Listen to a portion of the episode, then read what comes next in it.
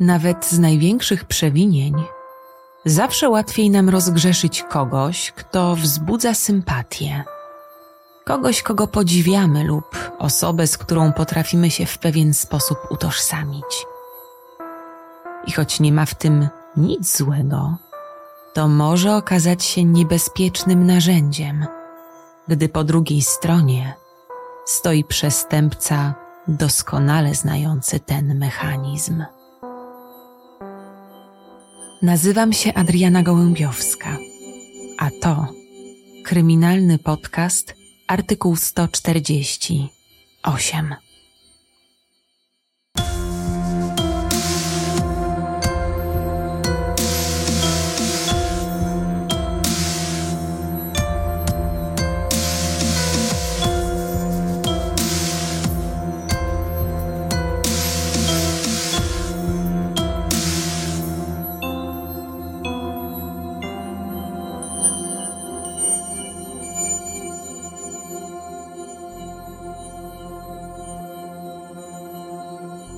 Wtorek, 30 września 2008 roku, godzina 11.05.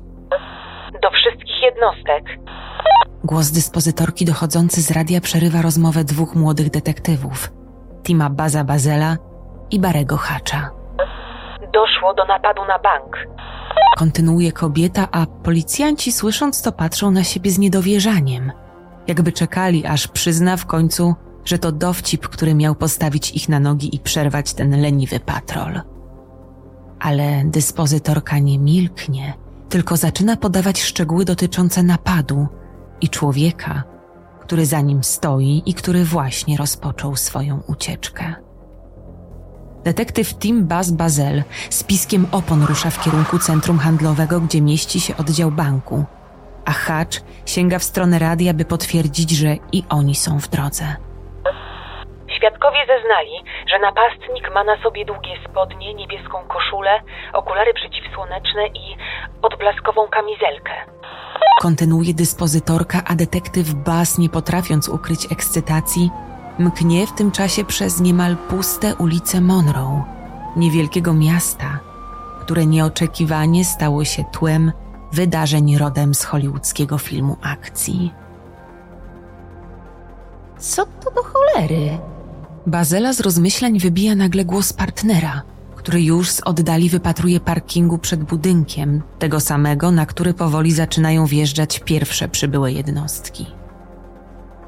Z odległości kilkudziesięciu metrów widać na nim poruszające się jasno-żółte punkciki, które z każdym kolejnym mijanym metrem przybierają ludzką postać. Detektywi dostrzegają też zgiętego w pół kierowcę opancerzonej furgonetki, który krzyczy zasłaniając swoją twarz i nie pozwala sobie udzielić pomocy obecnym już na miejscu medykom. Jak miał wyglądać ten złodziej? Rzuca prześmiewczo hacz w kierunku baza, po czym obaj wysiadają z auta i kierują się w stronę kilkunastoosobowej grupy. Każdy ze zgromadzonych na parkingu ma na sobie długie spodnie, niebieską koszulę, okulary ochronne lub przeciwsłoneczne, maseczkę, czapkę z daszkiem i odblaskową kamizelkę. Na widok zszokowanych policjantów, którzy zmierzają w ich kierunku z wyciągniętymi przed siebie odznakami, podbiega jedna z kobiet. Panowie, ktoś nas oszukał, mówi patrząc raz na jednego, raz na drugiego detektywa. Nie tylko was, cedzi przez zęby detektyw Barry Hatch. Na miejscu wszystko dzieje się błyskawicznie.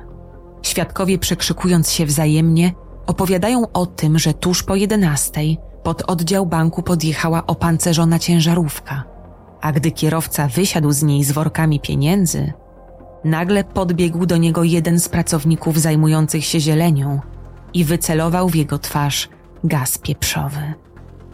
Kierowca padł na ziemię, a złodziej wyrwał mu worki z pieniędzmi i biegł w stronę pobliskiego lasu. Tam? Rzuca hacz i nie czekając na odpowiedź pędzi już w stronę wystających z nad budynku drzew. Ale Bas, który w wojsku przez lata pracował nad formą, niemal natychmiast go wyprzedza. Maraton nie trwa jednak zbyt długo, bo tuż za centrum handlowym, na żwirowej ścieżce prowadzącej do leśnego zagajnika, leżą porzucone w biegu przedmioty. Czapka z daszkiem, maseczka, okulary i brązowa peruka. Zasapany hacz dobiega właśnie do partnera i informuje, że za moment będą tu psy tropiące. Ale owczarki niemieckie nie przydają się na długo. Ścieżka, którą zaledwie kilka minut temu uciekał złodziej, wpada wprost do wąskiego i płytkiego na 60 centymetrów strumienia Woods Creek, a w nim zwierzęta tracą trop. Tak się chcesz bawić? Baz rzuca złowieszczo w stronę tego lichego potoku. No to się zabawimy. Wtóruje mu hacz i obaj ruszają przed siebie. Do detektywów szybko dołączają inni funkcjonariusze, a każdy z nich wytęża wzrok, szukając choćby najmniejszego szczegółu, który naprowadzi ich na złodzieja. Nagle z oddali słychać niepewny głos policjanta, który nie wie, czy jego znalezisko ma coś wspólnego z napadem, ale detektywi brodząc w błocie czym prędzej starają się przedostać w jego kierunku.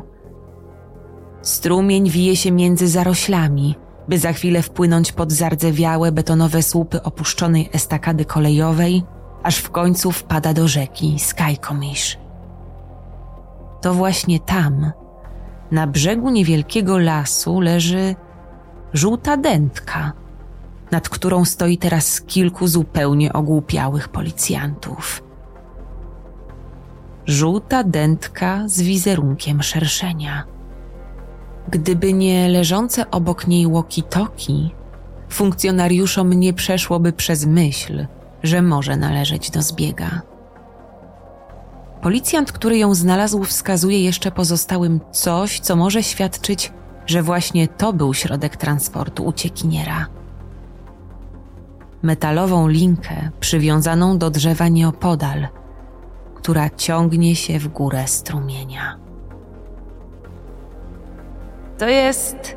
Zaczyna ze skrzywioną miną hacz. To jest genialne. Kończy bas i rzuca z całych sił kamieniem w wodę. Przez kolejne godziny mieszkańcy Monroe są świadkami wydarzeń, które nigdy do tej pory nie miały miejsca w ich spokojnym, niewielkim mieście. Nad głowami lata kilka helikopterów, które z powietrza starają się wypatrzyć w pobliskich lasach ukrywającego się zbiega. A do późnych godzin nocnych po ulicach bez przerwy jeżdżą policyjne samochody. Ale wszystko to na nic, bo nie ma najmniejszego śladu po człowieku, który uciekł z 400 tysiącami dolarów. Po przeczytaniu wstępnych ustaleń funkcjonariuszy, Detektywi są już niemal pewni, że za napadem stoi ktoś, kto doskonale wiedział, co robi, ale też świetnie znał ten teren. Reakcja mediów jest natychmiastowa. Nie tylko dlatego, że do napadu doszło w centrum miasta, w środku dnia i na oczach wielu świadków, ale przede wszystkim z powodu brawury i kreatywności złodzieja, którego nawiązując do środka transportu, zaczęto nazywać DB-Tuber. Ale pseudonim ten miał też odnosić się do legendarnego DB Coopera, bandyty z lat 70., który uprowadził z samolotu 200 tysięcy dolarów, po czym wyskoczył ze spadochronem i dosłownie rozpłynął się w powietrzu. Wszechobecna fascynacja z biegiem nie udziela się jednak dwóm wściekłym detektywom, którzy czują się wystrychnięci na dudka, a nieustannie przypomina im o tym żółty przyrząd do pływania, rzucony w kąt ich gabinetu.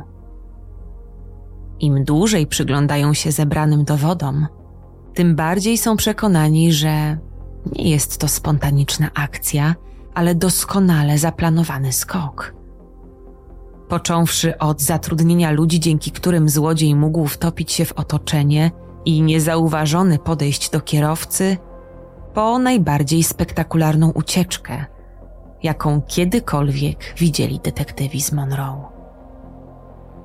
Złodziej nie wskoczył do samochodu, by uciec z miejsca wydarzeń, choć to wydawało się najłatwiejsze. Ale wykorzystał najpewniej uprzednio przygotowaną dętkę, która pozwoliła niepostrzeżenie przepłynąć pod mostem, dając mu tym samym kilka minut przewagi nad tymi, którzy w to samo miejsce udaliby się autostradą. Technicy szybko potwierdzają też przypuszczenia detektywów, że rozciągnięty wzdłuż strumienia długi stalowy kabel miał najprawdopodobniej pomóc złodziejowi powrócić na właściwy tor, gdyby dętka gdzieś się zablokowała. Dzięki niemu, podciągając się, mógł też szybciej przepłynąć ten fragment strumienia. No i jeszcze te zapisy kamer. Podejrzanego widać na nich tylko raz podczas ataku na pracownika banku. Nie ma po nim śladu ani przed, ani po. A detektywi mają przeczucie, że to także nie przypadek. Godzina mija za godziną i kolejne światła w niewielkim komisariacie gasną. Ale w jednym z pokoi dwóch policjantów wciąż pracuje w pocie czoła. Pomimo zbliżającej się północy, detektyw Bass i Hatch nie chcą dać za wygraną. Muszą coś znaleźć. Coś, co nakreśli im plan działań na kolejny dzień. Złodziej na pewno gdzieś popełnił błąd, a oni chcieli jak najszybciej go znaleźć.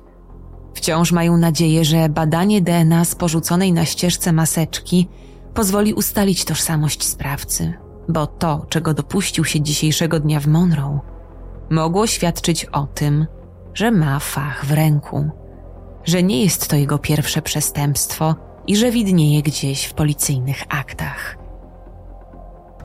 Czekając na wyniki badań, detektywi raz jeszcze w kółko przewijają te kilkanaście sekund zarejestrowanego przez kamery napadu. Słaba jakość nagrań nie daje jednoznacznych odpowiedzi. Zamaskowana postać w okularach i peruce nie przypomina nikogo, kogo sami by znali. Ale za każdym kolejnym odtworzeniem policjanci dostrzegają coś nowego. Podczas przeszukiwania terenu funkcjonariusze znaleźli jeden z dwóch worków pełnych gotówki, które podczas ucieczki porzucił zbieg. Jednak z ustaleń pracowników banku wynikało, że drugi worek, w którym było 400 tysięcy, ważył co najmniej 20 kilogramów. Ktoś, kto z takim obciążeniem biegł, musiał być wysportowany, musiał być w sile wieku i najpewniej był mężczyzną. Gdy Hacz maniakalnie raz za razem przewija znane już obu na pamięć nagranie, niespodziewanie daje się słyszeć dźwięk świadczący o nadejściu maila, a detektyw bez zastanowienia klika w jego załącznik. Szlak, rzuca natychmiast po otworzeniu go. Nie ma dopasowań. Nie ma go w bazie danych. Słysząc to, zrezygnowany Tim Bazel sięga po zmiętą marynarkę i tylko kiwa w kierunku swojego partnera na znak, że na dziś koniec, że nic już tu po nich. Nazajutrz, 1 października, jedno i to samo zdjęcie przedstawiające żółtą dętkę z szerszeniem zdobi pierwsze strony wszystkich lokalnych dzienników. A przybyli do niewielkiego komisariatu w Monroe detektywi zdają się nie być w najlepszych humorach. Brawurowa ucieczka DB Tubera w przeciągu tych kilku godzin staje się tematem numer jeden w całych Stanach Zjednoczonych. Serwisy informacyjne opowiadają o rabusiu jak o swoistym bohaterze, który w dziecinnie prosty sposób przechytrzył pracowników banku i obnażył nieudolność policji.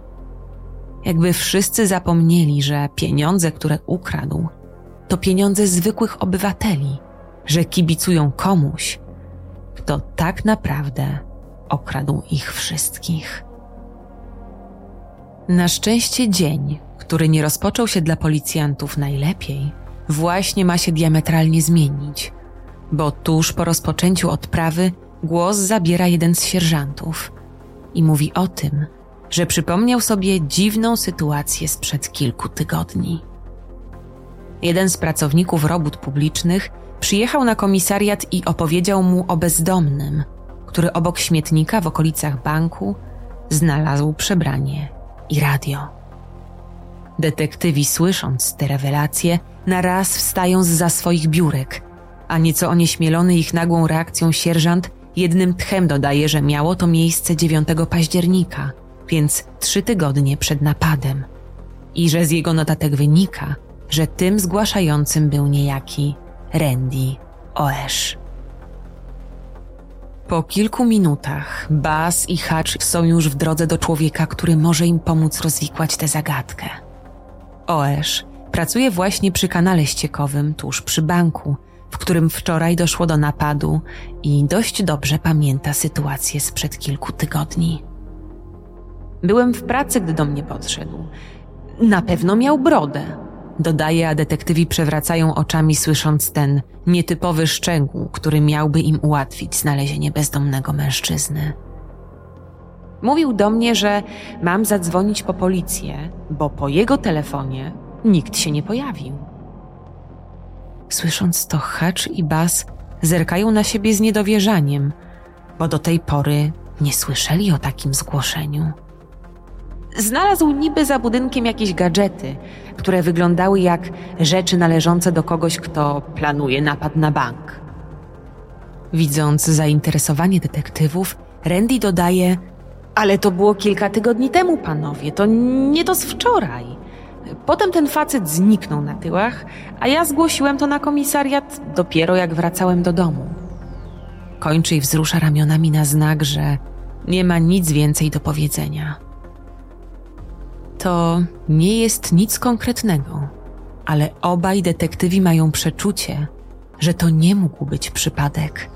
I czym prędzej chcą sprawdzić, czy świadek faktycznie dzwonił wtedy na policję. Miał psa. Ten bezdomny miał psa. Oesz krzyczy jeszcze do policjantów i ostatecznie macha na do widzenia. Gdy Bas i Hacz wpadają na komisariat, Wszyscy czują, że mogło dojść do jakiegoś przełomu. Detektywi od progu proszą o jak najszybsze dostarczenie wszystkich zgłoszeń, jakie dyspozytor odebrał 9 września. Po niespełna godzinie głośne pukanie do drzwi dosłownie stawia ich wszystkich na równe nogi. Ale mina sierżanta, jakby za karę wysłanego do pokoju głównych detektywów, nie napawa optymizmem. Co jest? Wypala nagle Hacz. A nie uzyskawszy żadnej odpowiedzi, dopytuje, czy mają zgłoszenie tego bezdomnego. Sierżant kręci głową niejednoznacznie, po czym podaje detektywowi dysk z nagraną rozmową. Zgromadzeni w pokoju policjanci słyszą, jak dzwoniący dość niewyraźnie mówi o nietypowym znalezisku i prosi o wysłanie patrolu, dodając, że stoi obok Papa Murphy's Pizza. Gdy to krótkie nagranie dobiega końca, detektywi nie spuszczając oka z posłańca czekają na jego wyjaśnienie. Dlaczego dyspozytor nie wysłał nikogo do wskazanej restauracji, która zresztą mieści się w tym samym centrum handlowym co obrabowany bank? Ale sierżant tylko głośno przełyka ślinę i widząc jak z każdą sekundą napięcie na twarzach detektywów rośnie, Dodaje: Patrol został wysłany do pizzerii. Tylko nie w Monroe, a w Arlington. I czym prędzej ucieka z gabinetu w obawie, że to właśnie na nim detektywi wyładują teraz całą swoją wściekłość. Dobra, najpierw jedziemy po hamburgery, a potem do Soltyn. Rzuca do partnera kipiący ze złości hacz, i on także wychodzi z pokoju. Solton to niewielkie miasteczko, które upodobali sobie bezdomni i to właśnie do niego wracali wieczorami po całodziennych eskapadach. Hacz z ciepłymi jeszcze hamburgerami dumnie kroczy wśród rozbitych namiotów i próbuje dowiedzieć się od kogokolwiek, czy koczuje tu brodacz z psem. Tyle, że widok dwóch młodych, dobrze zbudowanych mężczyzn w garniturach ze świeżo przystrzyżonymi włosami powoduje, że większość właścicieli namiotów chowa się do środka i szczelnie zasuwa ich zamki. Znajdują się jednak tacy, którzy postanawiają zabawić się z gliniarzami i za smaczną przekąskę bełkoczą coś pod nosem, wskazując, gdzie popadnie. Hacz z każdym kolejnym rozdanym hamburgerem denerwuje się coraz bardziej. Z dziesięciu zostaje już zaledwie pięć. Wieczór się zbliża, a mieszkańcy obozowiska najwyraźniej świetnie się bawią i niekoniecznie mają ochotę pomóc coraz bardziej zdesperowanym policjantom. Aż w końcu podchodzi do nich obwieszona kolorowymi reklamówkami kobieta i wskazując w stronę niewielkiego wiaduktu mówi: To Alan Dean. I odchodzi bez słowa.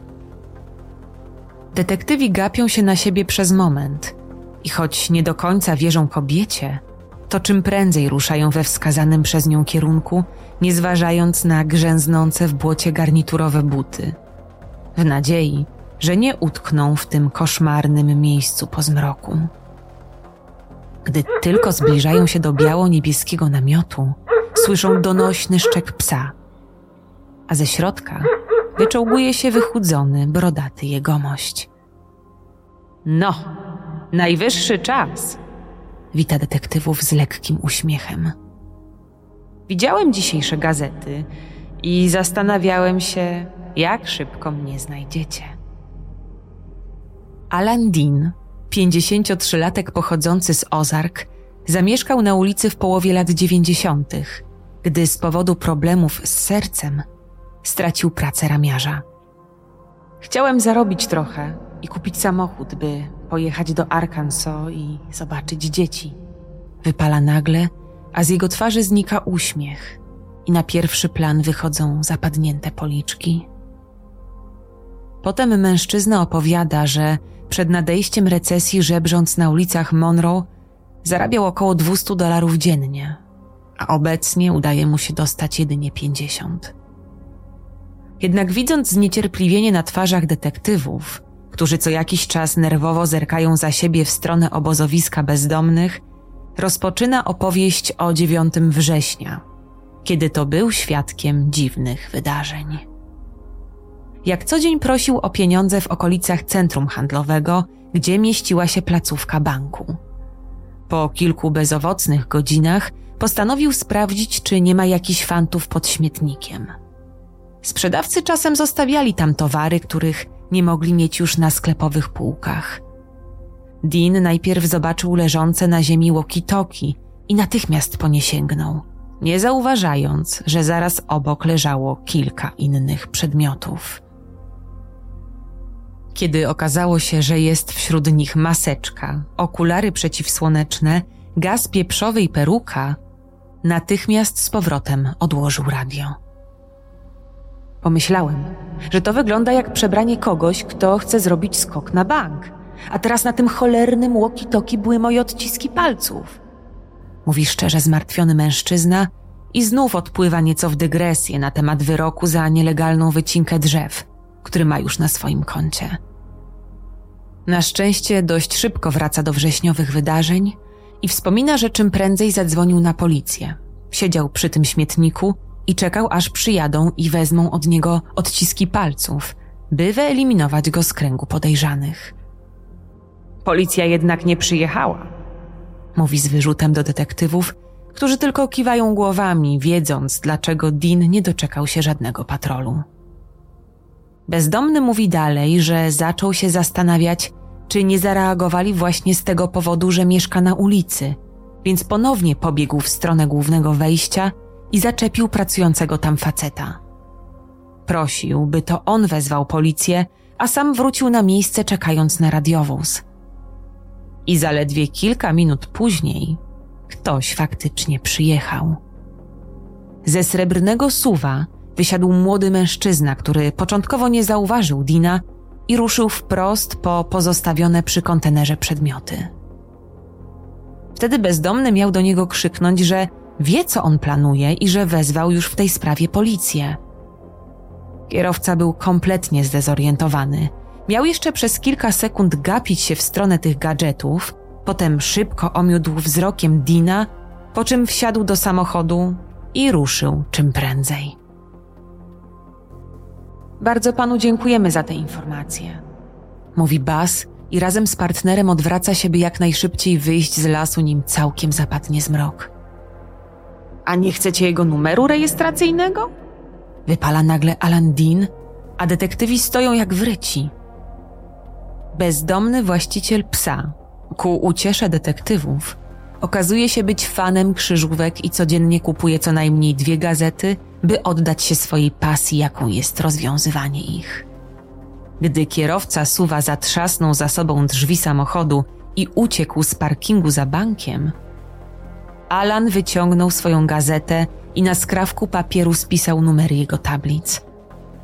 A nie doczekawszy się policji, schował ten świstek na wszelki wypadek. A ten nadszedł właśnie teraz. Wycieńczeni i brudni detektywi raz jeszcze tego dnia wpadają do komisariatu pełni nadziei, dzierżąc wymięty kawałek papieru niczym najdroższy skarb. Gdy Tim Bazel wpisuje numery tablicy rejestracyjnej do bazy, Barry Hatch, nie mogąc się doczekać, po raz kolejny włącza kilkusekundowe nagranie z napadu i znów pod nosem rozpływa się nad fizyczną formą złodzieja. On ten worek trzyma jak piłkę. Powtarza co jakiś czas jak mantrę i niecierpliwie zerka na monitor na biurku partnera. Mam! krzyczy nagle zaaferowany bas. Samochód należy do mieszkańca Monroe. Tu robi pauzę i marszcząc brwi dodaje. Do Emily Cursio. Znacie ją? Pyta obecnych w pokoju policjantów, a sam przygląda się drobnej brunetce, która nie byłaby w stanie uciekać z dwudziestokilogramowym workiem wypchanym pieniędzmi. Jej nie znam. Nagle z końca pokoju dochodzi głos młodego sierżanta. Ale chodziłem do liceum z jej mężem, Antonym, naszą lokalną gwiazdą futbolu. Na te słowa oczy hacza nagle rozbłysły. Bingo! Znalezione w mediach społecznościowych zdjęcia Antonego Cursio tylko utwierdzają policjantów w przekonaniu, że to może być człowiek odpowiedzialny za napad na bank. Zgadza się wzrost, zgadza się postura rabusia, ale wciąż brakuje mocnych dowodów. Jedynym punktem zaczepienia jest DNA znalezione we wnętrzu porzuconej przez złodzieja maseczki, ale poszlaki, które do tej pory udało się zgromadzić detektywom, nie pozwalają na zdobycie nakazu i pobranie od Antonego jego próbki. Pozostawała tylko jedna możliwość: poczekać, aż sam Antony im ją dostarczy, a właściwie porzuci ją, by oni w zgodzie z prawem mogli jej użyć i porównać z tą pozostawioną przez złodzieja. Tim Bazel natychmiast kontaktuje się z FBI, a oni wysyłają do Monroe swoich ludzi, którzy mają za zadanie nie spuszczać oka z Antonego Cursio.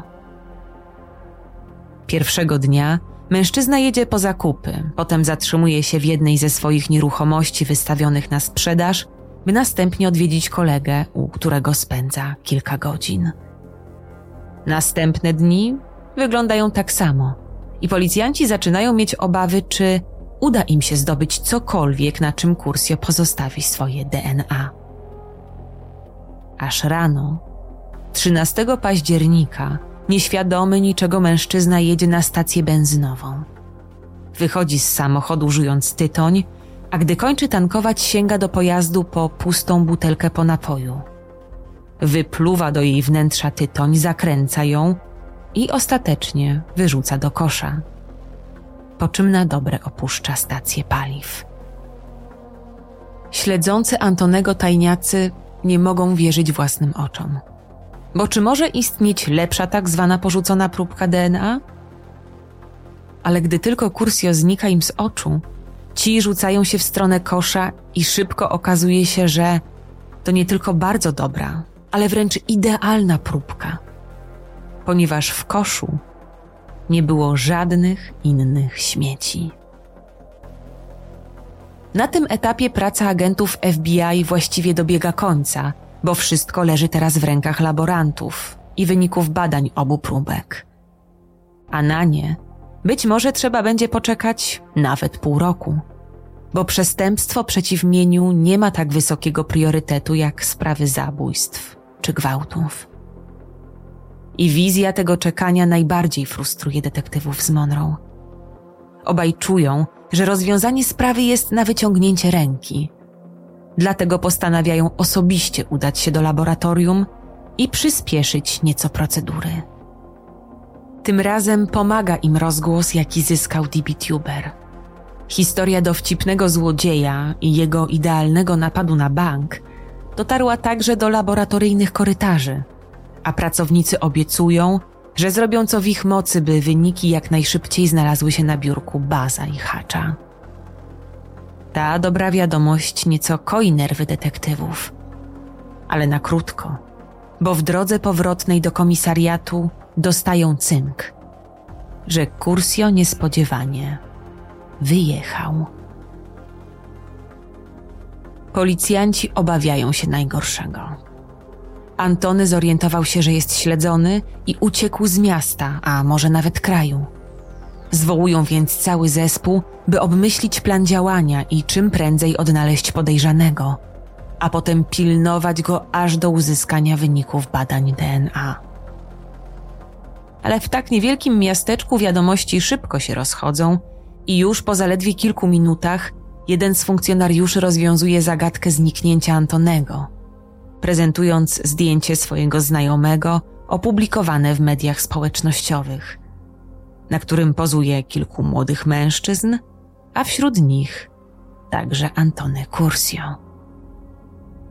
Hadż dokładnie wpatruje się w fotografię, a gdy zauważa na jednym z budynków ogromny napis Palms, klaszcze w dłonie i mówi: Bas, pakuj się. Jedziemy do Las Vegas.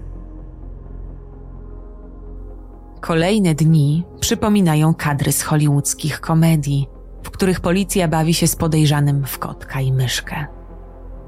Przebrani za turystów detektywi śledzą grupę znajomych Cursio i szybko udaje im się namierzyć luksusowy dom, który wynajęli. Przez kolejne dni towarzyszą im w klubach, a nawet przyglądają się ich rozgrywkom w kasynie. Nie mogą zrobić nic więcej, a jedynie pilnować, by Kursio nie zapadł się pod ziemię. Ale dobra zabawa nie trwa długo, bo podczas jednego z wieczorów Antony jedzie do szpitala, a gdy wraca z temblakiem na ręce, przenosi swoje rzeczy do hotelu. I ostatecznie kolejnego dnia samotnie wraca do Monroe kończąc tym samym wyprawę dwóch detektywów. Po zaledwie trzech tygodniach, a więc 3 listopada 2008 roku, Bazel odbiera telefon, który powoduje, że na jego twarzy pojawia się szeroki uśmiech. Jest zgodność DNA na obu dostarczonych przez niego próbkach i mogą oficjalnie aresztować Antonego Cursio. Pod centrum handlowe podjeżdża FBI i jednostka SWAT, a gdy podejrzany wychodzi z budynku obładowany zakupami, ci obezwładniają go i rzucają na ziemię. Mężczyzna początkowo próbuje się wyrywać. Mówi, że doszło do jakiegoś nieporozumienia.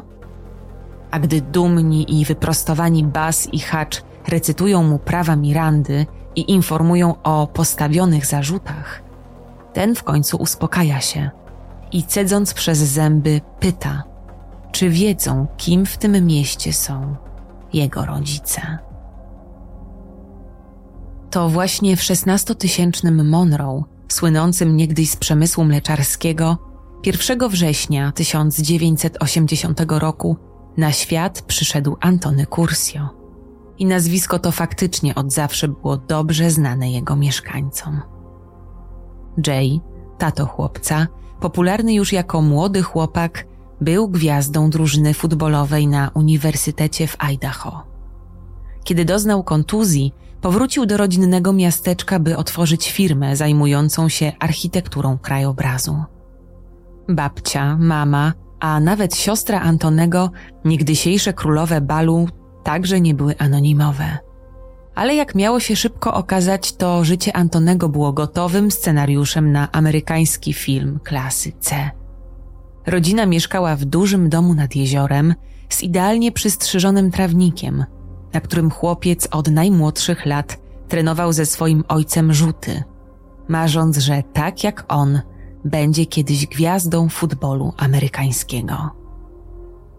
Ojciec często opowiadał chłopcu o swoich meczach, osiągnięciach, ale i o kontuzji, która przerwała jego świetlaną karierę na uniwersytecie oraz plany na zawodową grę. Podążając także za marzeniami ojca, Antony w piątej klasie dołączył do szkolnej drużyny. I choć na treningi przychodził pierwszy i ostatni z nich wychodził, nigdy nie zagrał nawet jednego meczu.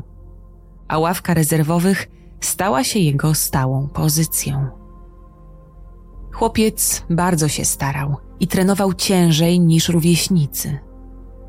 Ale nie wykazywał specjalnych zdolności, a jego niski wzrost był dodatkową przeszkodą, by spełnić marzenie i tak jak ojciec zostać skrzydłowym. Pod koniec sezonu zorganizowano imprezę dla drużyny, na której rozdano nagrody, a organizatorzy starali się, by każde z dzieci zostało w jakiś sposób uhonorowane. Była statuetka dla najlepszego rozgrywającego, obrońcy, a nawet gracza roku.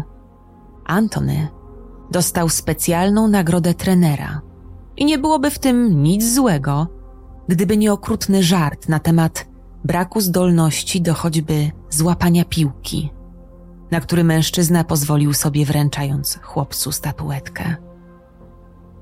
Reakcja dzieci i reszty zgromadzonych zupełnie załamała małego Antonego. Słysząc ich śmiech, uciekł stamtąd i nie wrócił już do drużyny. Jednak nie porzucił marzenia o futbolu. Ten wręcz stał się jego obsesją. Znał swoje słabości i wiedział, że nie jest w stanie urosnąć czy zmężnieć na zawołanie. Ale tylko od niego zależało, jak szybki będzie. Sam narzucił sobie reżim treningowy i każdego dnia wstawał skoro świt, by biegać. Szybciej i szybciej, aż momentami brakowało mu tchu, a gdy padał ze zmęczenia na ziemię, powtarzał sobie, że kiedyś to mu się przyda. Całymi dniami siedział zamknięty w swojej sypialni, której ściany zdobiły plakaty z bohaterami gangsterskich filmów. W samotności opracowywał taktykę gry i rozrysowywał schematy zagrań, by potem wypróbowywać je w ogrodzie ze swoimi kuzynami. Do drużyny wrócił dopiero po czterech latach, gdy wiedział, że już żaden trener nie posadzi go na ławie. To właśnie w liceum kariera sportowa Antonego nabrała ogromnego rozpędu i był jednocześnie kapitanem zarówno drużyny futbolu amerykańskiego, jak i koszykówki. Szalenie przystojny i zabawny sportowiec, który uwielbiał podkreślać swoje włoskie korzenie, był obiektem westchnień rówieśniczek, ale jego serce należało do cheerleaderki Emily, razem z którą zdobył tytuł króla i królowej balu. Po skończeniu liceum chłopak otrzymał stypendium sportowe i spełnił jedno z największych pragnień. Dostał się do Uniwersytetu w Idaho, tego samego, w którym jego ojciec był gwiazdą boiska ale ten scenariusz familijnego, amerykańskiego filmu o spełnionych marzeniach okupionych ciężką pracą i wytrwałością, tu właśnie się kończy, a jego sequel będzie czerpał z zupełnie innego gatunku kina. Jeszcze przed rozpoczęciem roku akademickiego Antony został po raz pierwszy aresztowany za posiadanie alkoholu. Jednak trener zdecydował się go nie zawieszać i po długiej rozmowie przyjął go do drużyny z otwartymi rękoma. Nie na długo, bo po zaledwie dwóch tygodniach chłopaka ponownie aresztowano, tym razem za kradzież, i zawieszono zarówno w prawach studenckich, jak i w drużynie. Kursjo był załamany, a jego rodzice bardzo rozczarowani. Swoją frustrację Antony wyładowywał każdego dnia na siłowni, a gdy powrócił na uczelnię i okazało się, że drużyna ma nowego, piekielnie wymagającego trenera, był jednym z nielicznych zawodników, który nadążał podczas wielogodzinnych ćwiczeń. I gdy wszystko zdawało się w końcu być na właściwych torach, podczas kolejnego, wycieńczającego treningu na dwa tygodnie przed pierwszym meczem, chłopak zerwał więzadło w kolanie. A to przesądziło jego najbliższą przyszłość w drużynie. Był zdruzgotany. Nie wiedział, co dalej. Całe życie marzył o zawodowej karierze sportowej, a ta właśnie wisiała na włosku. Coraz częściej zamiast na zajęcia chodził na imprezy, a przepisany przez lekarza przeciwbólowy Vicodin łykał jak cukierki, choć ból w kolanie już dawno ustąpił. Tego trener nie miał zamiaru akceptować. Więc Kursio jeszcze przed rozpoczęciem nowego sezonu stracił stypendium sportowe i nie pozostało mu nic innego, jak przenieść się na uniwersytet w Waszyngtonie, gdzie studiowała jego ukochana Emily. Przy niej czuł się bezpiecznie, czuł, że może odnaleźć swoją nową życiową drogę. W jego głowie istniała tylko jedna przeszkoda brak recept na Vicodin. Początkowo próbował ukrywać przed Emily symptomy odstawienia – ale po tygodniu dreszczy, nieprzespanych nocy i biegunek, zrobił coś, co nie pozostawiało żadnych wątpliwości, w jak tragicznym położeniu się znajduje. Kopał gołą stopą w dębowy stolik tak długo, aż stracił przytomność i został zaprowadzony do uczelnianego lekarza. Ten, widząc ogólny stan Antonego i słysząc na jakim leku mu zależy, odmówił – i przepisał jedynie ibuprofen. Ale to nie powstrzymało chłopaka przed zdobyciem swojego narkotyku. Zaczął podrabiać recepty, by potem jeździć do aptek w całym mieście i realizować je. W tym czasie zażywał nawet do 30 tabletek wajkodinu dziennie. I choć próbował ukryć swój nauk, stawiając na szali związek z ukochaną, Emily w końcu odkryła jego tajemnicę. Gdy Antony po wakacjach wrócił z odwyku, nikt nie miał wątpliwości, że sobie poradzi, bo już jako dziecko przekonał wszystkich o swojej silnej woli. Skończył studia z wyróżnieniem, oświadczył się Emily, a potem razem z nią powrócił do Monroe, by właśnie tam założyć rodzinę. Mężczyzna zdawał się odnaleźć swoje powołanie i branżę, w której, tak jak niegdyś na boisku, miał szansę stać się gwiazdą. W 2004 roku dostał licencję pośrednika w handlu nieruchomościami i właściwie z dnia na dzień stało się to nową pasją i dochodowym zajęciem kursja. Kupował tanie domy, remontował je i sprzedawał z niemałym zyskiem. Na pierwszej transakcji zdobył 25 tysięcy dolarów, na drugiej już 160 tysięcy. I był dumny, że nie będzie musiał już prosić rodziców o finansowe wsparcie. Jeszcze tego samego roku, razem z Emily, kupili swój pierwszy dom, który, tak jak jego rodzinna posiadłość, także znajdował się nad jeziorem, a przyszłość młodego małżeństwa w końcu malowała się w jasnych barwach. I choć Emily pamiętała o mroku, jaki w sobie niegdyś skrywał jej partner, to gdy zobaczyła jego męską jaskinię, udekorowaną starymi filmowymi plakatami, wiedziała, że dawny Tony powrócił.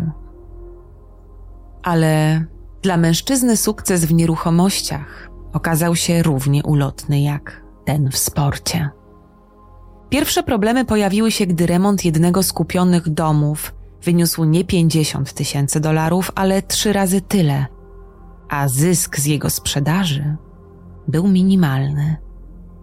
W tym czasie na świat przyszła pierwsza córeczka pary i Antony postanowił nie obarczać żony swoimi problemami. ale Emily widząc jak nerwowo żuje tytoń i znika na całe dnie, by samotnie remontować pozostałe nieruchomości, podskórnie czuła, że znów dzieje się coś złego. Pod koniec 2007 roku rynek mieszkaniowy się załamał, a razem z nim Antony. Najpierw zadłużał się w bankach, a gdy zaczęło brakować mu pieniędzy na spłatę kredytów, a domów i mieszkań już nikt nie kupował, ponownie sięgnął po Wajkodin, a niedługo potem także po kokainę i opioidy. Zupełnie spłukany Kursio podrabiał kolekcjonerskie karty ze sportowcami i sprzedawał je online. I choć sprzedawał ich naprawdę bardzo dużo, to nawet to oszustwo nie wystarczyło do pokrycia jego miesięcznych wydatków, które w szczytowym momencie uzależnienia wynosiły 15 tysięcy dolarów na same narkotyki. Ukrywał tę tragiczną sytuację przed Emily i przed swoimi rodzicami. A kiedy jego rachunek bankowy skurczył się z 200 tysięcy do jedynych 20 dolarów, zdesperowany postanowił sprzedać swoje narzędzia. Po zdeponowaniu w banku pieniędzy ze sprzedaży sprzętu budowlanego, był tak załamany, że wolał spędzić cały dzień siedząc w samochodzie na parkingu, niż wrócić do domu i spojrzeć w oczy swojej żonie, która w tym czasie spodziewała się ich drugiego dziecka. Miał już dość codziennego udawania przed Emily, że wychodzi do pracy, gdy tak naprawdę spędzał czas w remontowanych domach i naćpany oglądał w kółko odcinki rodziny Soprano. Gdy siedział tak w samochodzie, popijając kawę, zobaczył jak pod budynek centrum handlowego podjeżdża opancerzona ciężarówka, z której wysiadają dwaj ochroniarze, a potem znikają za drzwiami banku. Siedział tak i patrzył w te drzwi, a w jego głowie zaczęły tworzyć się scenariusze, o które nigdy dotąd się nie podejrzewał. Tej nocy nie mógł zasnąć. Sięgnął więc po komputer i niemal bezwiednie wpisał w wyszukiwarkę hasło napad na bank. Antony marzył o tym, żeby jego los odmienił się z dnia na dzień. Marzył o czymś, co dałoby mu natychmiastowe wyniki, jak na przykład kradzież ogromnej ilości pieniędzy. Tej nocy przeczytał o niemal wszystkich najbardziej znanych rabunkach w historii, a im więcej szczegółów znał, tym bardziej dochodził do wniosku, że jemu mogłoby się udać, pod warunkiem, że świetnie wszystko zaplanuje. Nie przespawszy ani minuty, Rano ucałował swoją żonę i córeczkę, mówiąc, że wychodzi popracować, po czym pojechał wprost pod oddział banku. Codzienne obserwowanie placówki dosłownie stało się jego pełnoetatowym zajęciem, a wręcz obsesją. Całymi dniami siedział w samochodzie i notował wszystko, co dotyczyło tego miejsca. Rysował plany rozmieszczenia kamer, Wpisywał godziny odbioru gotówki i jej dostaw, godziny przyjścia i wyjścia pracowników banku i szybko zrozumiał, że najłatwiej będzie ukraść pieniądze, nim zostaną one przetransportowane do budynku. Wtedy na warsztat wziął opancerzony samochód. W internecie znalazł rysunek jego wnętrza, a potem ściskając go w rękach na parkingu próbował sobie to zwizualizować – patrząc na prawdziwą furgonetkę stojącą kilka metrów od niego. Antony od samego początku wiedział, że nie chce nikogo skrzywdzić. Jedyne na czym mu zależało to pieniądze. Ale uzbrojeni ochroniarze nie są łatwymi przeciwnikami, szczególnie jeśli nie planujesz napadu z bronią w ręku.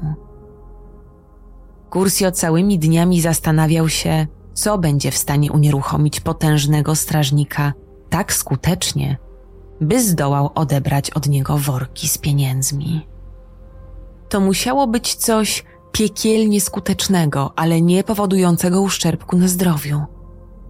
Pomysł pojawił się zupełnie niespodziewanie podczas kolejnego dnia obserwacji, gdy w radio nadawano reklamę gazu pieprzowego na niedźwiedzie. Jedynymi źródłami, z których Kursio mógł zaczerpnąć wiedzę, jak ten specyfik działa na ludzi, były amatorskie filmy zamieszczone w internecie, ale Antony zdawał sobie sprawę, że sam musi wykluczyć ewentualną porażkę. Bo właśnie zaplanowanie wszystkiego w jak najmniejszym szczególe miało sprawić, że to jego napad na bank przejdzie do historii. Kolejnego dnia poczekał, aż Emily i malutka córeczka wyjdą z domu, po czym zaopatrzony w puszkę sprayu na niedźwiedzie i miskę wypełnioną po brzegi mlekiem, skierował się do ogrodu. Gdy wszedł w chmurę stworzoną przy pomocy gazu pieprzowego, natychmiast wiedział, że to właśnie to, czego szukał. Środek spowodował, że dusił się, oczy piekły go jak diabli i nie był w stanie myśleć o niczym innym, tylko o tym, by uciec stamtąd jak najdalej. Ciężarna Emily nie miała pojęcia o szalonym pomyśle swojego męża. Gdy po powrocie do domu zobaczyła jego spuchniętą twarz, z łatwością uwierzyła w to, że pokąsały go osy podczas usuwania ich gniazda w jednej z nieruchomości, nad którą rzekomo pracował. W ostatnich dniach kobieta czuła wręcz ulgę, widząc jak szczęśliwy jest Antony, jak jest zaangażowany i pełen energii, jak praca znów sprawia mu radość. I nie myliła się, tyle że jego nowa praca nie była tym, czego się spodziewała. Planowanie napadu stało się nie tylko pełnoetatowym zajęciem mężczyzny, ale też jego kolejnym uzależnieniem. W samochodzie ukrywał już nie tylko narkotyki, ale także zapisany do ostatniej kartki notes z dokładnym planem skoku stulecia. Ale tak jak w przypadku Wajkodinu, obserwowanie banku z za szyby samochodu po jakimś czasie przestało wystarczać Antonemu. Nie był jeszcze gotowy, by wcielić swój plan w życie, ale potrzebował coraz więcej adrenaliny. Więc pewnego dnia przebrał się za pracownika zieleni miejskiej i ubrany w żółtą, odblaskową kamizelkę, przeciwsłoneczne okulary i maskę ochronną, zaczął obcinać suche gałęzie na terenie należącym do centrum handlowego. Był tak blisko, jak nigdy dotąd. Widział wszystko, słyszał wszystko, ale dla innych był właściwie przeźroczysty. Kolejnego dnia zrobił to ponownie, a potem jeszcze raz i raz. Grabił liście, przycinał żywopłoty, a nikt nie zwracał na niego uwagi. Był jak nakręcony, przez co o mały włos nie spóźnił się na poród swojej drugiej córki. Ale wyrzuty sumienia w drodze do szpitala uciszał wymówką, że przecież robi to także dla niej. Antony wiedział już, w jaki sposób niepostrzeżenie zbliży się do pracowników konwoju. Wiedział też, w jaki sposób powali ochroniarza. Musiał jeszcze wymyślić, jak skutecznie stamtąd uciec. Położenie budynku dawało wiele możliwości. Nieopodal znajdowała się autostrada, ale wielu uciekinierów wpadało właśnie podczas zorganizowanej przez policję obławy.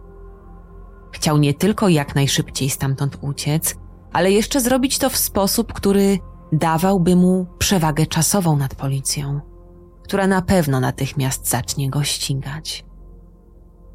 Pomysł ucieczki drogą wodną wydawał się najbardziej sensowny.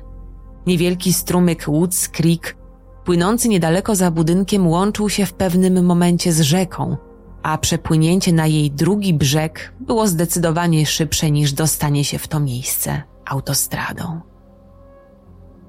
To był świetny pomysł, choć niedoskonały.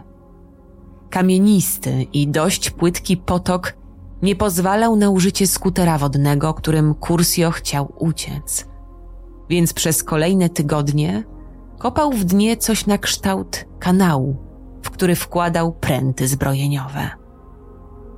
Wszystko to jednak na nic, bo już podczas pierwszej próby Kursio na jednym z wystających głazów roztrzaskał pożyczony od znajomego skuter wodny. To musiało być coś prostszego, coś, co podda się temu potokowi i co się nie zepsuje. Brudny i przegrany w walce z naturą Antony patrzył na tę rwącą wodę i przypomniał sobie beztroskie czasy dzieciństwa i lato, gdy razem z kuzynami spędzali całe dnie pływając na dętkach. I nagle poczuł, jak ciepło rozlewa się po całym jego ciele. To było właśnie to, czego szukał, a do tego genialne w swojej prostocie. Kursio obawiał się tylko, że obciążony gotówką może płynąć zbyt wolno lub utknąć w zaroślach rosnących przy brzegu.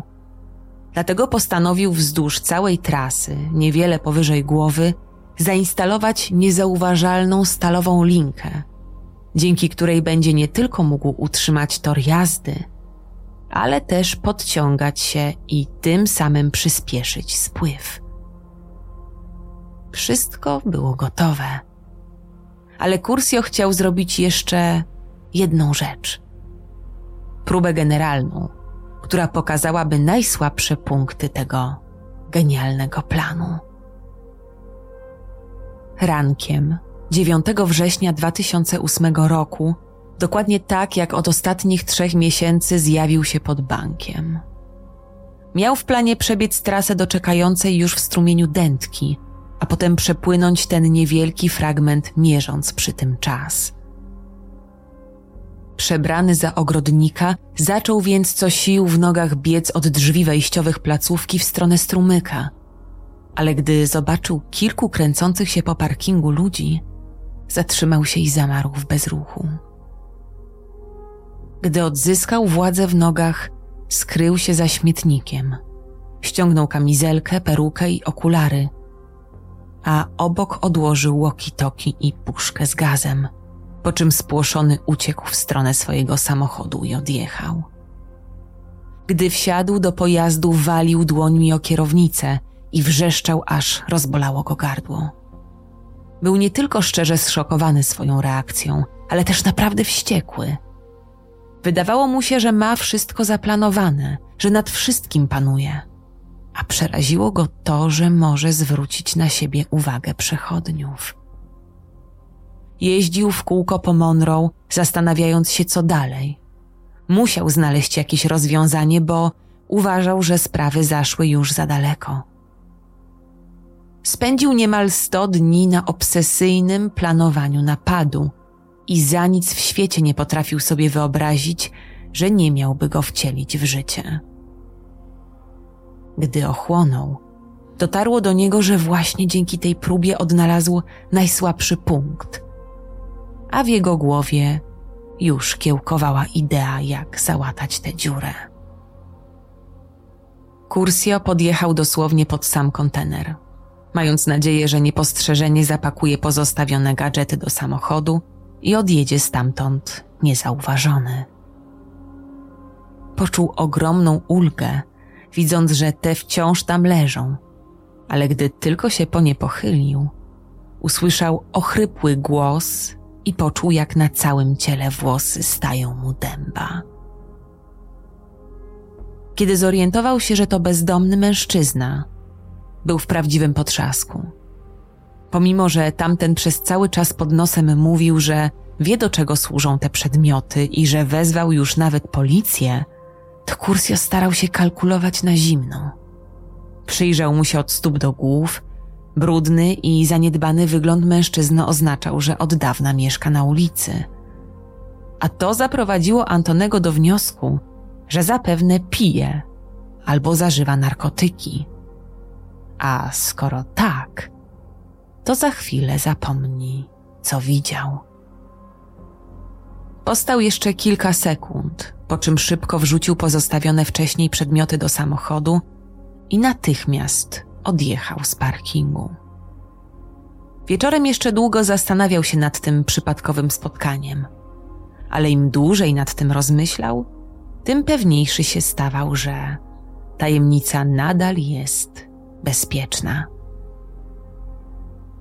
Czas mijał a Kursio wciąż każdego dnia pojawiał się w przebraniu ogrodnika i pracował przed centrum handlowym w Monroe, upewniając się, czy znów spotka tam bezdomnego mężczyznę. W końcu podjął decyzję, że do napadu dojdzie ostatniego dnia września, a na dwa dni przed nim opublikował w internecie ogłoszenie, w którym szukał ludzi do pracy przy strzyżeniu trawnika, sadzeniu kwiatów i obcinaniu gałęzi. Proponował aż 28,5 dolara za godzinę, a chętni mieli stawić się o 11 przed wejściem do banku znajdującym się w centrum handlowym w Monroe. Mieli mieć na sobie strój roboczy, którym były długie spodnie, niebieska koszula, żółta odblaskowa kamizelka, maseczka oraz okulary chroniące oczy podczas prac. Zebrani mieli też nie rozpraszać się, tylko czekać na menadżera, przydzielającego obowiązki w wyznaczonym miejscu. W przeddzień napadu Anton nie zasnął nawet na moment. Był przerażony. Wpatrywał się w córeczki i swoją żonę i płakał. Do rana bił się z myślami, czy powinien aż tak ryzykować. Wyszedł do samochodu i w kółko wertował kartki notesu, by się uspokoić. Był gotowy, a gra już się rozpoczęła. Pojechał do centrum miasta i zostawił samochód obok swojego byłego liceum, po czym ruszył do miejsca, które obserwował przez ostatnie trzy miesiące. Kiedy pojawił się przed centrum handlowym o 10.30, na miejscu kręcili się już pierwsi ochotnicy z ogłoszenia o pracę. Przez moment patrzył na tę scenę, po czym rozłożył ręce jak do modlitwy i spojrzał w górę, prosząc o pomoc Boga, bo choć nie było to najlepsze, to jedyne wyjście z jego trudnej sytuacji. Gdy w końcu znalazł się przed wejściem, obok niego natychmiast pojawił się jeden z mężczyzn, dopytując, czy to czasem nie on jest tym menadżerem, który ma przydzielić zadania. Kursio zaprzeczył, ciesząc się w głębi ducha, że plan działa lepiej niż sam to przewidział. Z minuty na minutę na parkingu pojawiali się kolejni przebrani w żółte kamizelki ochotnicy, skuszeni dobrym zarobkiem. A on świetnie wmieszał się w ich tłum. Aż w końcu tuż po jedenastej przed bank podjechała opancerzona furgonetka, z której wyszedł doskonale znany Antonemu ochroniarz, po czym przy pomocy wózka zaczął transportować dwa worki wypełnione pieniędzmi. Antony Cursio rzucił się w jego stronę, a z kieszeni wyciągnął puszkę gazu pieprzowego i wycelował ją wprost w twarz mężczyzny. Czas się na moment zatrzymał. Nikt nie wiedział, co się właściwie dzieje i kto zaatakował konwojenta, a Antony zupełnie nieświadomie złapał worki niczym piłkę futbolową i dzierżąc je u swego boku, napędzany adrenaliną, zaczął biec w stronę strumienia. Jedyne o czym wtedy myślał, to to, że miał rację. Poranne treningi biegów z czasów, gdy był dzieciakiem, w końcu mu się na coś przydały. Gdy skuty w kajdanki Antony leży na ziemi, agenci FBI otwierają bagażnik Range Rovera i znajdują w nim 17 tysięcy dolarów. Pana Kursio trzeba odwieźć na komisariat, a my pojedziemy jeszcze z nakazem do jego domu. Rzuca do zgromadzonych funkcjonariuszy niewzruszony bas. Ale gdy tylko razem ze swoim partnerem znika za zakrętem, obaj cieszą się jak dzieci, że w końcu go mają. Drzwi otwiera im uśmiechnięta Emily, której wyraz twarzy zmienia się natychmiast po przeczytaniu nakazu. W czasie, gdy policjanci przeszukują jej dom centymetr po centymetrze, siedzi w ogrodzie ze swoimi córkami i patrzy w dal. Nie wiedziałam. Ja naprawdę nie wiedziałam, że on to planuje. Mówi zawstydzona policjantom, którym we wnętrzu nie udaje się znaleźć ani centa. Kiedy zrezygnowani technicy pakują się do samochodów, by wrócić na komisariat, detektywi odbierają telefon od agenta FBI, który właśnie przesłuchuje Antonego. A ten informuje ich, że mężczyzna odmówił zeznań. Nie tak to sobie Hacz wyobrażał. Oczami wyobraźni widział, jak w domu aresztowanego znajdują resztę z 400 tysięcy dolarów, a Kursio do wszystkiego się przyznaje. Czym prędzej rusza więc w stronę jednego z funkcjonariuszy i pyta, czy pamięta adres kolegi przesłuchiwanego, tego samego, u którego przesiadywał całymi dniami. Kiedy mężczyzna przytakuje, detektyw każe, by zaparkował pod jego domem samochód policyjny, po czym patrzy porozumiewawczo na swojego partnera. Przebiegły Bary Hacz ma rację, bo rano 4 listopada, zaraz po przybyciu na komisariat, detektywi odbierają telefon od prawnika. Ale nie jest to obrońca Antonego Cursio, tylko rzecznik jego przyjaciela. Mężczyznę tak przeraził widok radiowozu, że nawet nie zauważył, że jest on zupełnie pusty. Zadzwonił do adwokata i wyraził chęć współpracy z policją, informując tym samym, że w jego magazynie Kursio przechowuje 200 tysięcy dolarów. Czy pan również brał udział w napadzie? Bas pyta przybyłego na komisariat w towarzystwie prawnika mężczyznę. Ten szybko zaprzecza, po czym dodaje: Nie, ale wiedziałem o wszystkim. Miałem być tego dnia kierowcą, ale w przeddzień akcji przestraszyłem się i mu odmówiłem. Bas i Hacz, słysząc to, wciąż patrzą na przesłuchiwanego i starają się nie zrobić niczego, co zdradziłoby, że nie mieli pojęcia o tym, że DB Tuber miał wspólnika. Jednak gdy tylko adwokat wraz z klientem opuszczają gabinet, Baz rzuca się na pudło z dokumentami, a Hacz chodzi w kółko i klnie pod nosem. Ilu ich w takim razie było? Kto jeszcze brał w tym udział? Jak mogli tego nie zauważyć? Nagle Tim Bazel zatrzymuje wzrok na kartce papieru, po czym zaciska zęby i z całej siły uderza pięścią o stół. Łoki-toki, Bary. Zapomnieliśmy o cholernym łoki-toki. Detektywi nie spieszą się na spotkanie z Antonem. Mają zgodność DNA znalezionego na miejscu przestępstwa z materiałem pobranym od podejrzanego. Mają też chętnego do współpracy świadka. To wszystko daje im czas, by zaplanować przesłuchanie Kursja, bo obaj wiedzą, że ten na pewno już dawno to zrobił. Nie znają aresztowanego, ale wiedzą, że jest skrupulatny, cierpliwy i konsekwentny. Nie mogą pokazać mu słabości, nie mogą pozwolić mu myśleć, że udało mu się ich nabić w butelkę. Ale przede wszystkim muszą w jakiś sposób przekonać go, że rozpracowali jego misterny plan, tak by sam zechciał podać im te wszystkie szczegóły, do których, jak się właśnie okazało, nie udało im się dotrzeć. Mogą zrobić to tylko w jeden sposób. Muszą przechytrzyć Antonego przy pomocy jego własnej broni, jego oczka w głowie, jego napadu na bank. Słabiutko wypala od progu hacz i rzuca na stół dokumenty, po czym wraz z partnerem siada w sali przesłuchań naprzeciw szczerze zdziwionego 28-letniego Kursio. Następnie przesuwa w jego stronę kartki z zeznaniami kolegi i Alana Dina. Trzeba było to zaplanować nieco lepiej.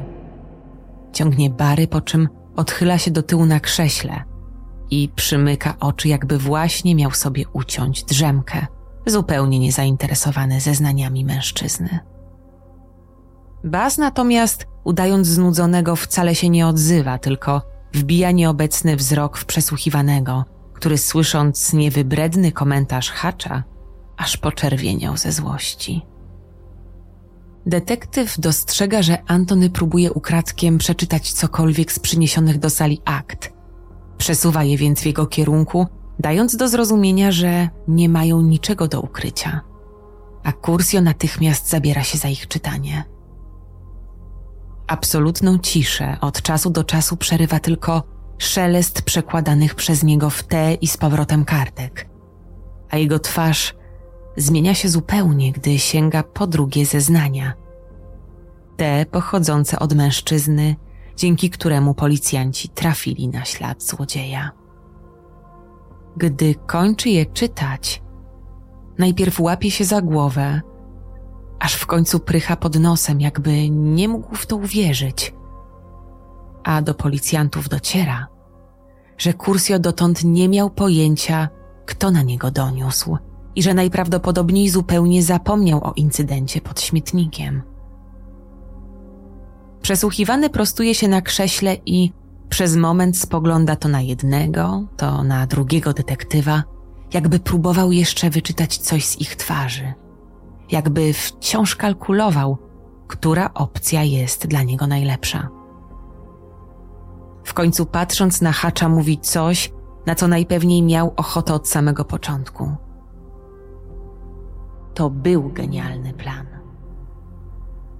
Robi pauzę, jakby chciałby to zdanie wybrzmiało odpowiednio i śmiejąc się dodaje: Wiecie, co w tym wszystkim jest najzabawniejsze? Urodziłem się i spędziłem niemal całe swoje życie w Monroe. I nigdy wcześniej nie widziałem tu żadnego bezdomnego. Po czym bierze głęboki oddech i rozpoczyna swoją opowieść. Antony Cursio to przestępca, z jakim detektywi z Monroe nigdy dotąd nie mieli do czynienia. Piekielnie inteligentny, błyskotliwy i niezwykle zabawny. A Baz co jakiś czas łapie się na tym, ile przyjemności czerpie ze słuchania jego historii i sam się za to karci w myślach. Kursio mówi, że pomysł z ludźmi, którzy przyszli w odpowiedzi na ogłoszenie o pracę, był wisienką na torcie całego planu. I nie czekając na pytania detektywów, tłumaczy, że już kiedyś zrobił coś podobnego. I to zdanie działa na policjantów jak zimny prysznic, który uświadamia im, że to nie jest zabawny chłopak, który podjął jedną złą decyzję i zbłądził. To w rzeczywistości zawodowy przestępca. Wtedy mężczyzna przytacza historię z czasów studiów, gdy zabrakło mu pieniędzy na narkotyki. Postanowił przebrać się za pracownika firmy przeprowadzkowej. Wynajął nawet samochód dostawczy, a potem niezauważony wyniósł z uczelni kilkadziesiąt krzeseł i stołów i sprzedał je na portalach aukcyjnych. A walkie-talkie? Pyta nagle Bas. Zapomniałeś o nim? Przez nie zrozumieliśmy, że miałeś wspólników. Wypala detektyw i szybko orientuje się, że najpewniej popełnił wielki błąd. Bo wiedzieli przecież tylko o jednym niedoszłym wspólniku, nie o wspólnikach. O to mi właśnie chodziło, mówi zadowolony Antony. Żebyście myśleli, że nie byłem sam. Bas przeczuwa, że właśnie wpadli we własną pułapkę. Jednak ku ich zdziwieniu, Kursio znów zaczyna się śmiać. Ale też po to, by inni trzymali gębę na kłódkę. Dodaje, a obaj detektywi oddychają z ulgą. Antony natomiast myśląc, że Bazel i Hacz wiedzą o pozostałych dwóch wspólnikach, zaczyna opowiadać o rzeczach, o których policjanci nie mieli bladego pojęcia. Gdy w przeddzień napadu przyjaciel Antonego wycofał się z całej akcji, ten postanowił zaangażować na jego miejsce dwóch innych znajomych. Tych, którzy już wcześniej współpracowali z nim, m.in. przy podrabianiu i sprzedaży kolekcjonerskich kart i recept. Kiedy Bas słyszy, z jaką łatwością Antony o tym opowiada, zaczyna w nim narastać złość. Bo nagle zamiast tego ponadprzeciętnie inteligentnego i dowcipnego mężczyzny widzi przed sobą przestępcę, któremu przez lata udawało się uniknąć kar. Znajomi Kursja zgodzili się bez słowa i tak do przygotowanego wcześniej planu dołączył kierowca i obserwator. Z kierowcą przesłuchiwany spotkał się w dzień napadu w pustym mieszkaniu tuż przy licealnym boisku piłkarskim, gdzie raz jeszcze dokładnie wyjaśnił mu, w którym miejscu ma na niego czekać. Natomiast drugi wspólnik miał być w okolicach banku i tylko z ukrycia obserwować całą akcję. Potem Antony dokładnie opowiada policjantom, co działo się przed placówką, jak z emocji bolała go głowa, gdy stamtąd uciekał i gdy płynął dętką w dół strumienia. A także o tym, jak trudne okazało się wyjście na brzeg i wdrapanie z mokrym workiem pełnym pieniędzy na parking, na którym czekał jego kolega. Wtedy też miało dojść do czegoś, czego Antony nie przewidział. Początkowo szło gładko zgodnie z planem. Kursjo trzymając przy sobie kurczowo worek, wsiadł do bagażnika, a kolega włączył silnik. Ściśnięty w środku Antony był bardzo podekscytowany, bo nie tylko udało mu się uciec, ale też być w zupełnie innej części miasta, nim policja w ogóle zdołała jeszcze dojechać pod centrum handlowe. Ta ekscytacja spowodowała, że mężczyzna nie zdawał sobie sprawy, co dzieje się we wnętrzu samochodu. Do rzeczywistości przywróciły go dopiero głośne krzyki znajomego. Nagle on mówi: Człowieku, ja nie mogę tego zrobić. A ja powstrzymuję oddech, bo mam wrażenie, że on mówi do kogoś innego. Ale ten idiota wymienia moje imię. Jego głos się łamie i mam wrażenie, że gość ma atak paniki. Czuję, jak samochód zwalnia i najprawdopodobniej staje na światłach. A ten wrzeszczy coraz głośniej, tak żebym usłyszał go zamknięty w bagażniku. No więc i ja się drę, żeby wziął się w garść, żeby jechał, żeby podgłośnił radio i udawał, że śpiewa. A ten hamuje z piskiem opon, podchodzi do tyłu i otwiera bagażnik. Trzymałem klapę z całych sił, tak, że nie widziałem nawet jego twarzy, tylko zderzak innego samochodu, który stał tuż za nami. Szarpnąłem i ponownie zamknąłem się w środku. On wrócił za kółko i przejechał dosłownie kilkaset metrów, wciąż krzycząc, że nie ma zamiaru iść do więzienia i że tym razem to zbyt gruba sprawa. Zatrzymał się raz jeszcze. Znów otworzył bagażnik, siłą mnie stamtąd wyciągnął i odjechał z pieniędzmi. Byłem w kropce. Antony przerywa na moment, a policjanci widzą, że te wydarzenia wciąż są w nim żywe. Nie miałem ze sobą telefonu, na wszelki wypadek, gdyby ktoś próbował mnie namierzyć. Ale miałem na sobie tę niebieską koszulę, która mogła mnie zdradzić. Ukradłem więc inną, w kolorze białym z pobliskiej suszarni w jednym z budynków i ruszyłem w kierunku pierwszego miejsca, w którym mogli mi pomóc. I takiego, które dawało mi alibi. Gdy szedł w kierunku znajomego biura nieruchomości, mieszczącego się w sąsiedztwie komisariatu, samochody policyjne pędziły już w stronę centrum handlowego.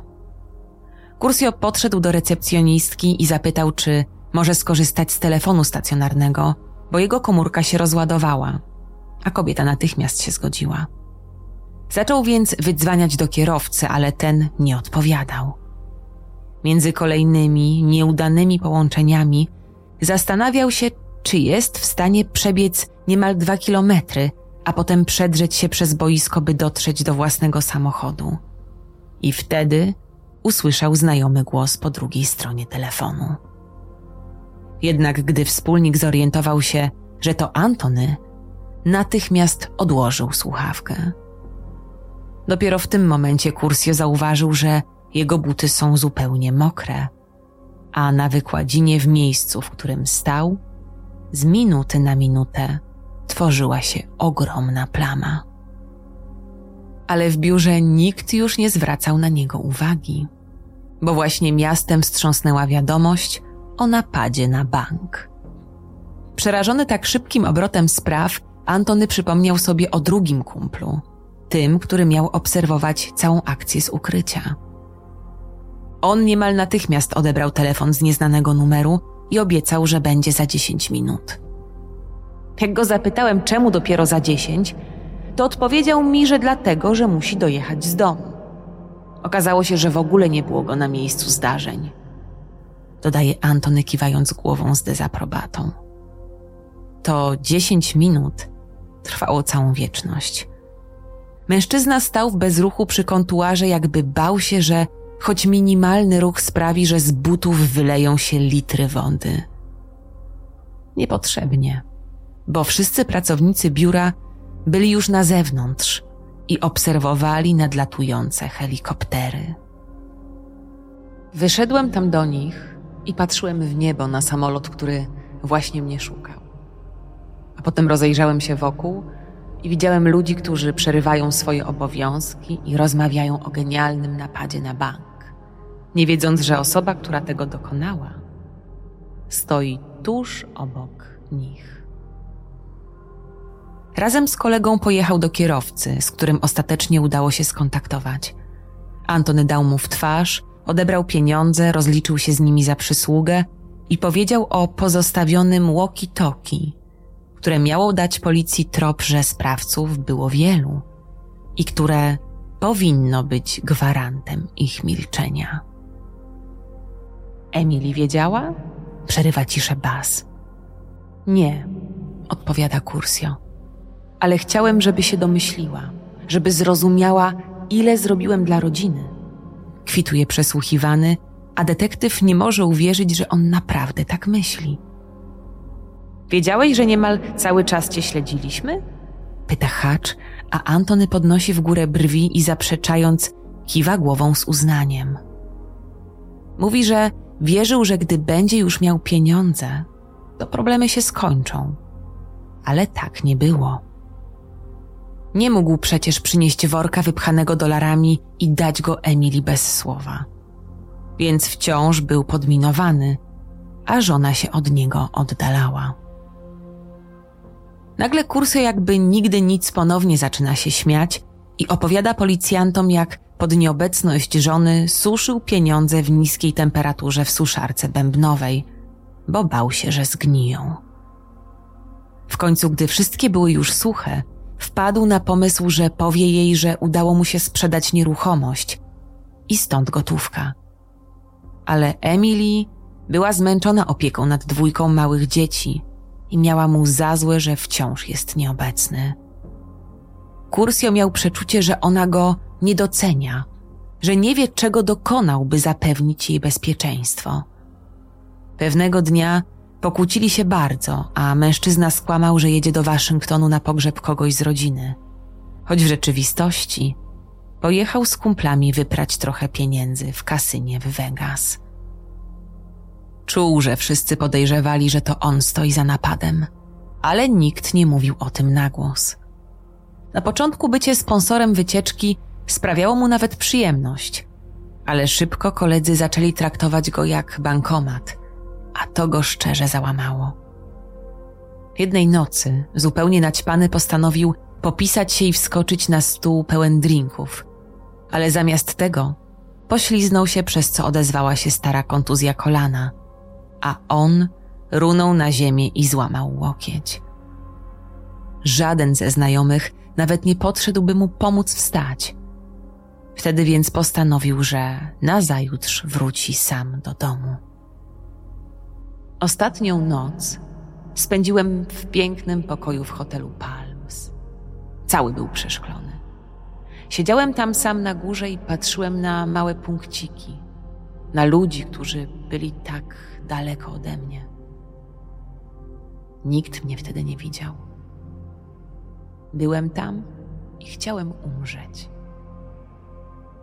Straciłem wszystko, na czym mi zależało. A przecież wszystko, co chciałem zrobić, to utrzymać moją rodzinę. Gdy Antony opuszcza salę przesłuchań, ci jeszcze przez jakiś czas siedzą w ciszy i każdy w swojej głowie analizuje to, czym podzielił się z nimi mężczyzna. Bas przez moment zastanawia się, czy gdyby nie ta kontuzja, przez którą uzależnił się od leków, to czy Antony wiódłby normalne życie? A może była ona tylko pretekstem do rozpoczęcia przestępczej kariery? Trzy miesiące, mówi nagle na głos Hacz. Nie lepiej było pójść do uczciwej pracy? Oskarżony, a także inni mężczyźni decydują się na współpracę z prokuratorem Brusem Nijaki, a to powoduje, że pomocnikom nie zostają postawione żadne zarzuty. Policji udaje się odzyskać 200 tysięcy dolarów, ale drugie tyle Kursio zdążył wydać przez ostatni miesiąc, między innymi kupując na nazwisko kolegi Range Rovera. I choć prokurator wnioskuje o 5 lat pozbawienia wolności, to sędzia po wysłuchaniu stron, a przede wszystkim po przesłuchaniu Antonego, postanawia wydać surowszy wyrok. Ostatecznie mężczyzna zostaje skazany na 6 lat, głównie ze względu na ogłoszenie, które opublikował w internecie i które narażało grupę 16 zupełnie niewinnych osób na niebezpieczeństwo i niejako nieświadomy udział w napadzie. Cursio zostaje przewieziony do więzienia w Big Spring w Teksasie i szybko orientuje się, że miejsce to nie ma nic wspólnego z tymi, jakie widywał w swoich ulubionych filmach akcji. Ma jednak ogromne szczęście, bo jego sława dotarła i tu, a więźniowie witają go niczym celebrytę. Antonym szczególnie zainteresowany jest George Young, nazywany niegdyś El Americano, przyjaciel Pablo Escobara, skazany na 60 lat więzienia, który w latach 70. i 80. przemycał do Stanów Zjednoczonych kokainę dla kolumbijskiego kartelu Medellin. Young bierze pod swoje skrzydła młodego mężczyznę i daje mu radę, by jak najlepiej wykorzystał dany mu teraz czas. Radzi, by trzymał się z boku, nie szukał przyjaciół i skupił się na tym, co dał mu los. Na rozgłosie, który mógłby mu się przydać podczas promocji książki o jego napadzie. Jednak nim Antony zaczyna pisać autobiografię, w więzieniu dochodzi do zamieszek, w których dwaj współwięźniowie niemal zabijają skazanego za pedofilię mężczyznę.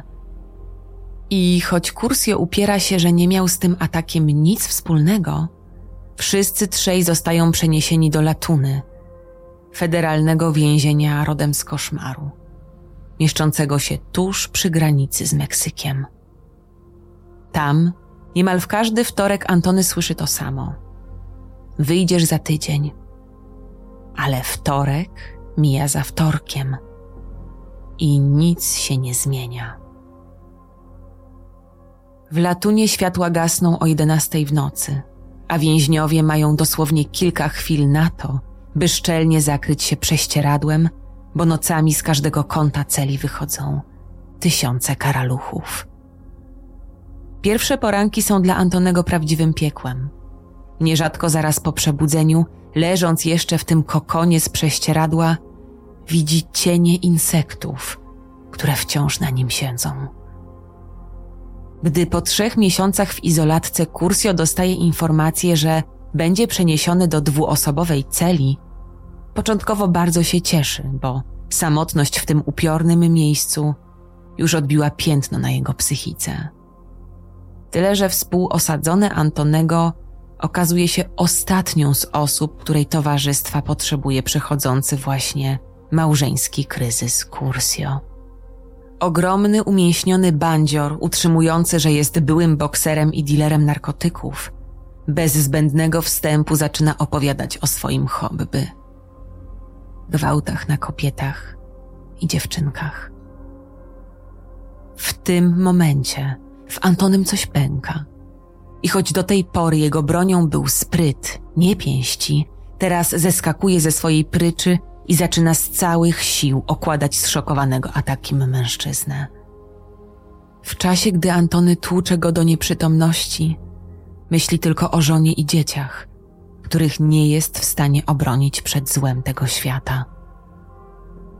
Za pobicie ponownie zostaje przeniesiony do izolatki, a tam zaczyna się zastanawiać, czy życie Emily i jego córek nie byłoby szczęśliwsze bez niego. Nagle w jego głowie pojawia się plan. Coś, co pozwoli mu na moment zająć głowę. Plan samobójstwa. To ma być kolejne dzieło Cursio śmierć, o której będą latami mówić w celach tego przeklętego więzienia. Ale po kilku tygodniach obmyślania, jak odebrać sobie życie i co pomyślą inni, gdy już go nie będzie, do Antonego dochodzi w końcu, że to tylko wymówka, by odciągnąć w czasie to, co nieuniknione. Boże, dlaczego mi to robisz? Boże, dlaczego mi to robisz? Mężczyzna krzyczy raz za razem, rwąc prześcieradło, z którego ma powstać sznur, mający zakończyć jego życie. Zdanie powtarza to w kółko przez jakiś czas, aż nagle orientuje się, że nie brzmi już tak jak na początku, a od ścian celi odbija się głucho. Dlaczego ja sobie to zrobiłem? I Antony zaczyna rozumieć, że jedyną osobą, która go tu sprowadziła i która jest wszystkiemu winna, jest on sam. Tego dnia prosi o telefon, a gdy strażnicy się zgadzają, dzwoni do domu i pierwszy raz od kilku miesięcy słyszy głos Emily. Rozmowy z malutkimi córeczkami są niezwykle trudne, więc by utrzymać ich uwagę, Kursio naśladuje głos ich ulubionego bohatera, Elma.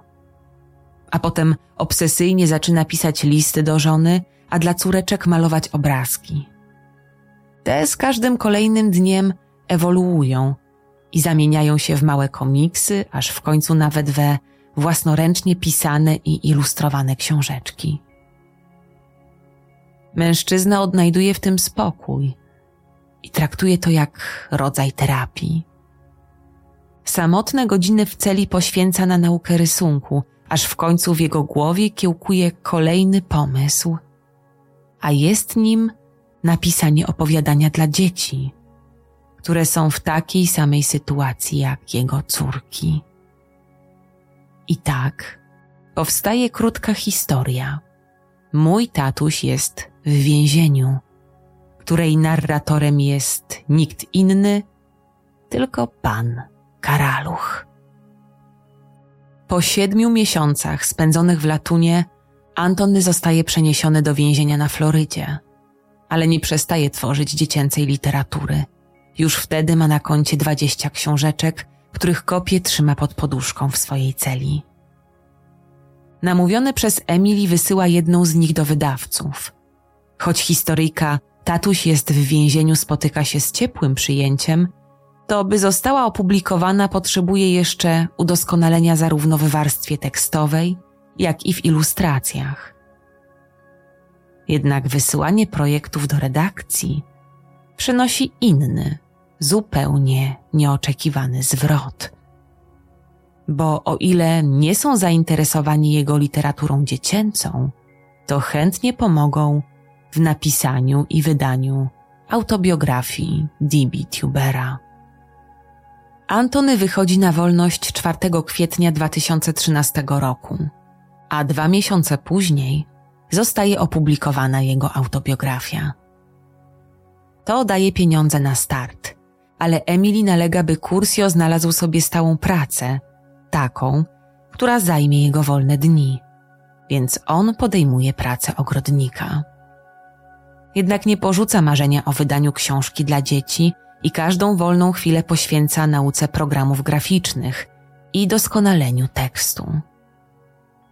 Postanawia wystawić kilka ze swoich dzieł na sprzedaż w internecie. Ostatecznie spienięża zaledwie osiem sztuk, a gdy nadaje przesyłki, okazuje się, że wszystkie zamówiła jego babcia. Do przełomu dochodzi w 2016 roku, gdy Antony ogląda finały NBA. I zafascynowany drobnym graczem o imieniu Steven Curry, orientuje się, że pamięta go sprzed lat, z rozgrywek uczelnianych. Kursio wiele przegapił podczas więziennej odsiadki i nie miał pojęcia, jak Kary znalazł się na koszykarskim szczycie. Tej nocy Antony jak zawsze, gdy pochłania go nowy projekt, nie przesypia ani minuty. Pisze i szkicuje jak oszalały, a rano ma już konspekt książki pod tytułem Chłopiec, który nigdy się nie poddał. Historii Stevena Carego. Znów wystawia kilka egzemplarzy w internecie w nadziei, że może jego babcia i tym razem się skusi. Ale w listopadzie dzieje się coś, co przewraca jego życie do góry nogami. Władze Uniwersyteckiej Ligi NCAA wpadają na pomysł ogólnokrajowego programu zachęcającego dzieci do czytania, w ramach którego trenerzy i zawodnicy z całego kraju odwiedzają szkoły i czytają maluchom. O tym, jaką książkę wybrano, Antony dowiaduje się, gdy zostaje zawalony zamówieniami na chłopca, który nigdy się nie poddał. W pierwszym tygodniu sprzedaje około 200 książek dziennie, ale gdy pozycja ta staje się bestsellerem Amazona, ilość rośnie do tysiąca sprzedanych egzemplarzy każdego dnia.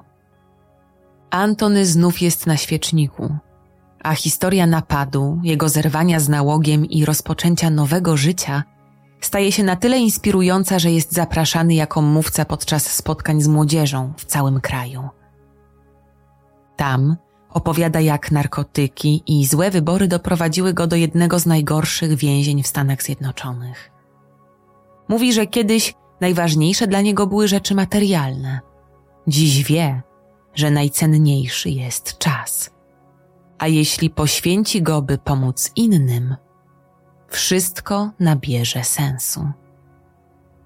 Mówi też, że gdyby nie został złapany, a jego plan napadu faktycznie byłby genialny, jest pewien, że nie zatrzymałby się na swojej przestępczej ścieżce i następnym krokiem byłoby coś dużo gorszego. Dlatego więc w pewnym sensie cieszy się, że trafił do więzienia, bo ono uratowało mu życie. I choć dziś Antony dla wielu jest wzorem do naśladowania, to są i tacy, którzy uważają, że to tylko kolejny przejściowy projekt w jego życiu.